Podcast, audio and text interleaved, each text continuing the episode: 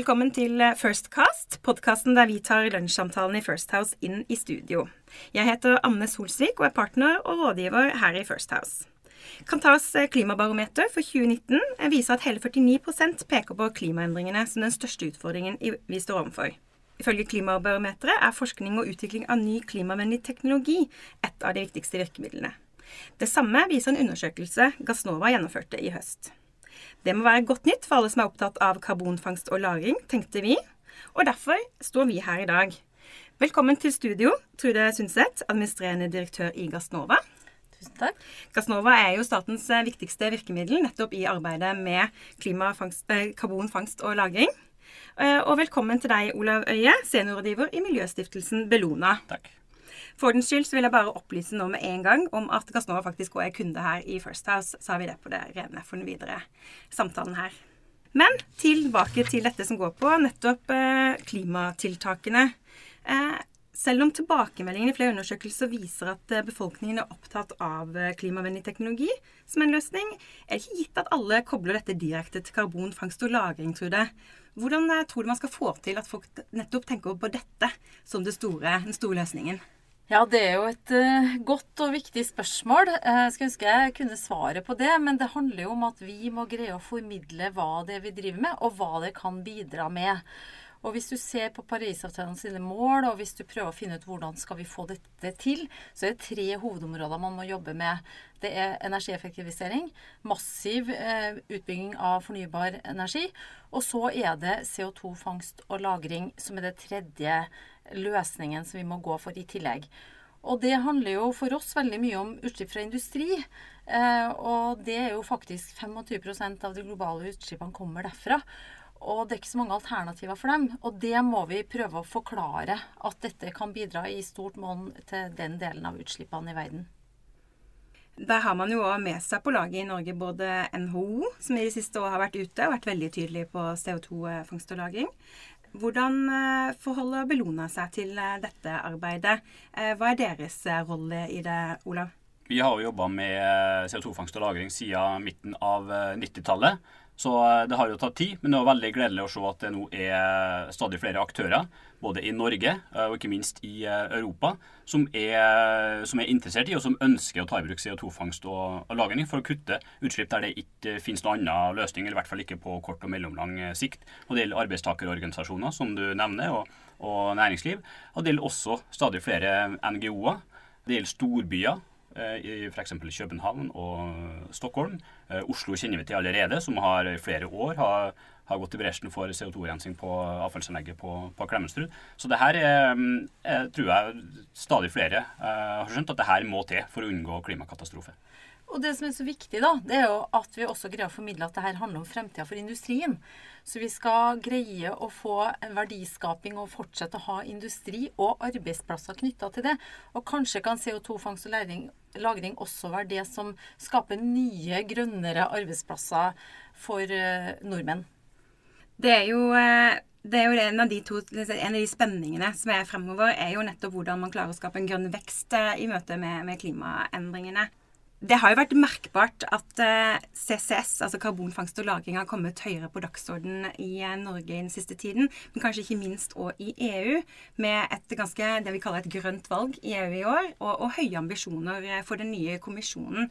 Hvordan vil dere si at dette har betydning nettopp for denne satsingen Norge har gjort på karbonfangst og -lagring, Olav? Regjeringa har jo lagt inn eh, omtrent som en forutsetning for å, for å, investere i norsk eh, fullskala CCS at det skal gi ringvirkninger i eh, Europa og resten av verden.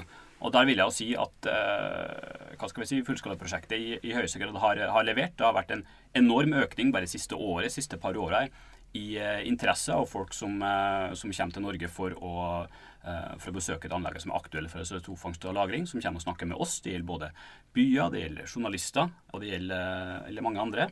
Som, som ønsker å, å, å, forstå hvordan det fungerer både med er, er lagring trygt, vil det bli dyrt, finnes det ikke noe alternativ, etc. Et Det som er så fantastisk, det er jo at vi i Norge er vel Ja, vi, vi, mener at vi er verdensledende på det området her, og vi tenker litt annerledes enn veldig mange andre land.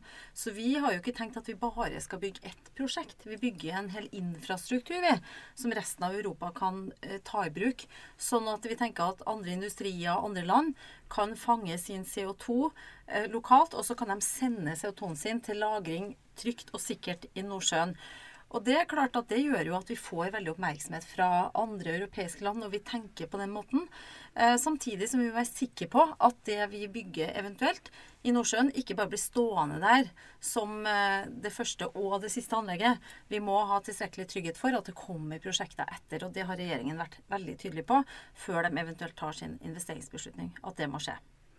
Ja, og det bringer en jo litt tilbake når man har fulgt eh, debatten knytta til eh, karbonfangst og -lagring i, i Norge eh, gjennom noen tiår, at eh, det har jo ikke alltid bare vært oppturer knytta til dette. Det har jo vært noen ganske krevende runder med Mange vil kanskje kalle det for feilinvesteringer, eller at man har eh, gått seg litt vill i hvilken retning man har valgt. Men dette må jo være noe av det som synliggjør at det tar tid å utvikle ny teknologi, og nettopp det som gjør til at den forskningen og investeringen i dette må gjennomføres. Eh, og at man har, må ha blikket ganske langt fremme i å finne løsninger på klimautfordringene. Og der er jo CO2-fangst og -lagring akkurat som alle andre teknologier. Samme på vind, samme på sol. Uansett hvilken Den gangen vi skulle bygge ut oljevirksomhet i Nordsjøen nå, så måtte vi gå en lærekurve. Så jeg pleier å si når det gjelder akkurat Mongstad Vi fikk faktisk teknologisenteret på Mongstad. Så det var egentlig et vellykka prosjekt. Men det var jo faktisk ikke Mange fremstiller det som en, noe mislykka. Mm. Men det var jo sånn, det var jo ikke Apollo 1 som landa på månen. Det var Apollo 11. Og det sier noe om den lærekurven du må gå. Du skal utvikle ny teknologi. Du skal ha industri som aldri har gjort det her før, til å plutselig fange sin CO2. Så skal du bygge en helt stor verdikjede. Det tar tid å komme dit. Men nå tror vi at vi aldri har vært så nært som det vi er nå. Så det er veldig spennende tid foran oss. Og det som er en stor og veldig viktig forskjell sammenlignet med for eh, CCS-diskusjonen for 10-15 år siden, var at det tidligere var mye snakk om, om CO2-rensing for eh, kullkraftverk og gasskraftverk. Og Det er jo teknologier som i stor grad er i ferd med å bli utkonkurrert av eh, fornybar energi. Mens nå er jo fokuset på, på prosessindustri, og det kan være stål, det kan være sement, forskjellige typer kjemikalier, som ikke har noen annen løsning på kort, mellom lang sikt for å, for å kutte CO2-utslippene helt ned mot null. Og Det gjør også noe annet med, med aksepten, og det gjør at uh, jeg tror mange fagforeninger i Norge og i, i Europa er stadig mer interessert i eh, CO2-fangst og, og, -lagring, sånn at det går an å, kanskje at det går an også å ha tungindustri uh, i et nullutslippssamfunn, hvis du tar i bruk CO2-fangst og -lagring. Og jo mer fokus det er, da, vi ser altså at det er en helt annen interesse og prioritering av klima som tema. Og jo mer du aksepterer at det er en utfordring vi må løse, jo mer begynner du å se på løsningene, og jo mer ser du at det også trenger CO2-fangst og -lagring. Og det er en teknologi hvor du kan fange veldig store mengder CO2 på ett sted. Ja, det koster, men du får også fanga veldig store mengder CO2. Utfordringen med folk flest er at eh, det er ikke så mange som skal selv privat investere i et sånt anlegg. Det må nødvendigvis industrien gjøre, sammen med staten eventuelt. Så det gjør det litt mer vanskelig, men det er veldig gledelig å se at det er så mange som nå begynner å forstå eh, hva dette er, og hvor viktig det er. Ja, og i sommer, eller sensommeren under Arendalsuka, så var alle ungdomspartiene ute tverrpolitisk og ga sin støtte til karbonfangst og -lagring, og, og pusha regjeringen på å være tydeligere fremover nettopp på, på dette spørsmålet. I den oppfatningen man fort kan ha, har jo vært at karbonfangst og -lagring kanskje har vært tildelt en litt sånn eksklusiv gjeng i Norge og følger veldig tett. Hvilken betydning kan det ha at en hel generasjon eh, mest sannsynlig nå vil ta inn over seg dette type tiltaket, og, og på en måte vokse opp med at dette er en del av løsningen på klimautfordringene? Ja, det er jo helt fantastisk, da, det som ungdommen viser frem av engasjement, og ikke minst det å ta klima og, og framtida på alvor. Så det syns jeg vi må lytte godt til, alle vi som ikke er så unge lenger. Og så må vi greie å forklare hvordan vi faktisk skal gjøre det, og hva vi må prioritere i forhold til andre ting, tiltak som det kan være eh, også positivt å satse på. Men det er klart, den tverrpolitiske enigheten vi har i Norge, den er òg ganske unik. Jeg vet ikke om at ungdomspartiene noensinne tidligere har gått sammen om én sak på den måten der. Så det forteller oss jo Det gir et veldig viktig signal da, eh, til at vi er på rett vei. Og veldig mange, veldig mange, både unge og andre, har jo, tror jeg har fått en, en vekker av både av FN sine siste klimarapporter, men også av tørke, skogbranner i, i flere land, ekstrem, ekstrem vær, som gjør at folk skjønner at klimaendringene er her allerede nå. Og nå snakker vi bare om rundt én Eh, grad eh, gjennomsnittlig global oppvarming sammenlignet med førindustriell eh, tid. Med 1,5 grad, med 2 grader, 2,5, 3, 4 grader vil det bli mye, mye, mye verre. Så jeg tror flere er enige om at vi må ned ikke bare 10-20-30% i utslippskutt, men vi må ned mot null. Og Da må vi ta i bruk alle de virkemidlene som må til for å få til det. Og vi har de teknologiene. Uh, og så er det en diskusjon om uh, hvordan det skal gjøres, hvordan det løses med finansiering, forretningsmodeller, samarbeid, bl.a. om CO2-transport- uh, og lagringsinfrastruktur. Men vi vet at det her må vi løse. Hvis ikke så har vi et gedigent problem. Og så har jeg lyst litt tilbake igjen til det som vi snakka om i sted, at det her gir også masse muligheter. Så én ting er å være veldig bekymra for klima og hvordan dette skal gå. Men det som også er viktig, det er jo at man ser mulighetene. Og man ser her er det mulig å gjøre noe. Her er det til og med mulig å tjene penger på noe i framtida. Hva skal de som, hvis vi ikke lenger skal drive med olje og gass, hva skal vi drive med da? Jo, faktisk de geologene som nå jobber med å lete etter olje og gass, kan nå lete etter gode CO2-lager. Det må overvåkes. Eh, det må følges opp. Eh, og det, det, da er det faktisk den kompetansen vi har i Norge, den er veldig verdifull og viktig. Så det her handler også om en grønne skifte på den måten at du skal Hva skal vi bruke all denne gode kompetansen til? Og vi har masse teknologimiljøer som er langt framme på det i Norge. Og vi har også leverandørindustri som eh, kan bidra, og som kan selge denne teknologien ut i resten av verden. Også, så syns synes jeg et veldig viktig poeng det med at eh, det er ikke bare én eller to industribedrifter. Det er ikke bare Fortum eller Helberg Sement eh, Norcem i Norge som ønsker å, å fange CO2. Det er, det er, flere dusin bedrifter som enten vurderer, utreder og ser på muligheten for det. Og det at du har hele det her økosystemet med både mm. dem som vil Uh, industri som vil uh, fange CO2. Du har selskaper som kan uh, lage fangstanlegg for CO2. Du har selskaper som kan transportere CO2. Og du har flere selskaper som kan lagre, lagre CO2.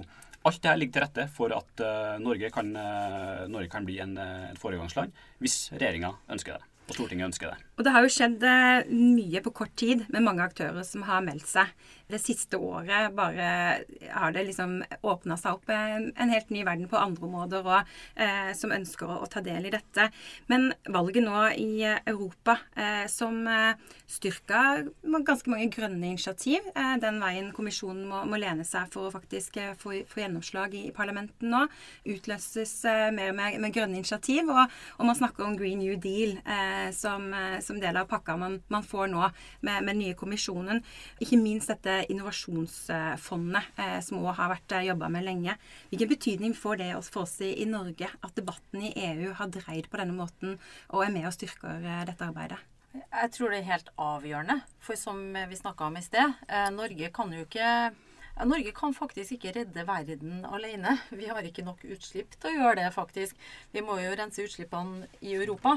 Og da gir Norges bidrag i form av å bygge ut en infrastruktur som andre kan benytte, det er veldig viktig. Men vi må også se at interessen er til stede i EU. og Derfor er det veldig gledelig å se det. Altså 5.9. her i Oslo så hadde vi jo en EU-Norge CCS-konferanse som var veldig godt besøkt fra var 450 deltakere fra 26 land. Og da så vi, da fikk vi bekrefta interessen fra EU. Og da var industrien tungt til stede og signerte intensjonsavtaler med vårt prosjekt. Hvor de da er interessert i å bruke det lageret som vi håper å få etablert i Nordsjøen. Det er jo ikke fugler på taket. Det er i hvert fall eh, litt ned fra taket. Og så er det fortsatt en vei å gå før vi er i mål. Det, våre innspill til, til eh, nye EU-kommisjonspresidenten eh, von der Leyen og han som skal lede arbeidet med en Green Deal, Frans Timmermans fra, fra Nederland, eh, det har vært bl.a. at du må satse på, på storstilt utbygging av infrastruktur som du trenger i nullutslippssamfunnet. vil Si CO2-fangst og transport, CO2-transport og -lagring, selvsagt. Det vil også si for hydrogen og for strøm.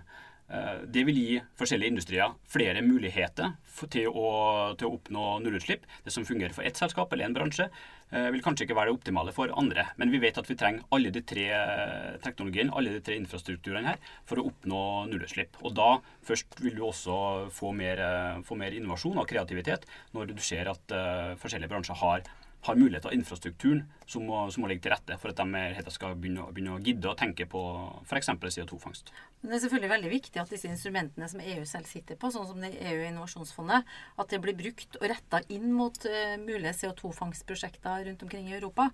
For Norge kan jo ikke ta på seg kostnaden med å å, løse alt det her for, for, hele Europa. Så det er kjempeviktig, men det ser også veldig positivt ut. Eh, Innovasjonsfondet hadde en egen eh, konferanse dagen etter den konferansen 5.9. her i Oslo, hvor de gikk i, nærmere inn i hva som skal til for at de kan gi støtte til denne type prosjekter. Så det er en veldig positiv utvikling der også. Det er jo mye snakk om denne stramme tidslinja, og ikke minst eh, at eh, det sitter veldig mange og forventer og håper på en eh, tom brønn som skal bores i løpet av tida som, som kommer. Og det er kanskje noe litt sånn snodig bakvendt med, med hele tilnærmingen til, til, hva som er på kritisk linje for karbonfangst- og lagringsprosjektet i Norge denne vinteren. Men hvis dere skulle tenkt på 2020, så forstår jeg at investeringsbeslutningen er jo noe av det absolutte man ønsker seg. men hvis det skulle ha skjedd noe nytt, altså det skulle vært noen eh, nye grep som skjer, eller noe som hadde vært med på å løfte eh, virkelig eh, denne debatten til et nytt nivå, hva kunne det ha vært? Ja, nei, det vet jeg ikke. Vi eh, venter jo i spenning på 2020 og har masse arbeid eh, som vi holder på med nå. Og får også masse arbeid inn i 2020, så vi blir ikke sittende og vente sånn sett. Eh, vi er veldig optimistiske når det gjelder denne testbrønnen. Det er jo den første i verden som jeg kjenner til, mm. som håper å ikke finne olje og gass. Eh, så det har vi veldig stor tro på at vi lykkes med. Nei, det blir veldig spennende. Jeg ønsker ikke å spekulere i det. Vi, vår, vår, jobb er å være eksperter som leverer et best mulig beslutningsgrunnlag, og så er resten opp til politikerne. Jeg tror det ville hjulpet svært mye hvis EU, eh, e som har stadig mer aggressive klimamål, og som uh, skal være et nullutslippssamfunn i uh, eh, 2050, og helst lenge før det også, for å kunne være et eksempel for andre kontinenter og, og andre land som har mindre, mindre, mindre, penger til å utvikle teknologien her fra, fra børjan av. Så tror jeg det ville vært bra, og ønsker meg at EU-kommisjonen sammen med europeisk industri og NGO-er har kommet til norske regjeringer og sagt fra 2025 så ønsker vi ikke lenger å eh, kjøpe gass fra Norge, men vi kan gjerne bruke rørledningene til å transportere CO2 fra Europa. Så kan vi betale dere litt penger for å lagre den, eh, lagre den CO2-en i Norge. Og så I tillegg er det veldig fint da hvis folk flest eh, engasjerer seg og syns at det her er spennende og interessant og er positiv til denne løsningen. Da gjenstår det å takke for oppmøtet fra dere her i dag. Takk til Trude og Olav for at dere ville være med. Eh, og takk det, til dere som har vært med å, å lytte til oss. Husk at du også kan abonnere på Firstcast i iTunes eller Android. Vi høres.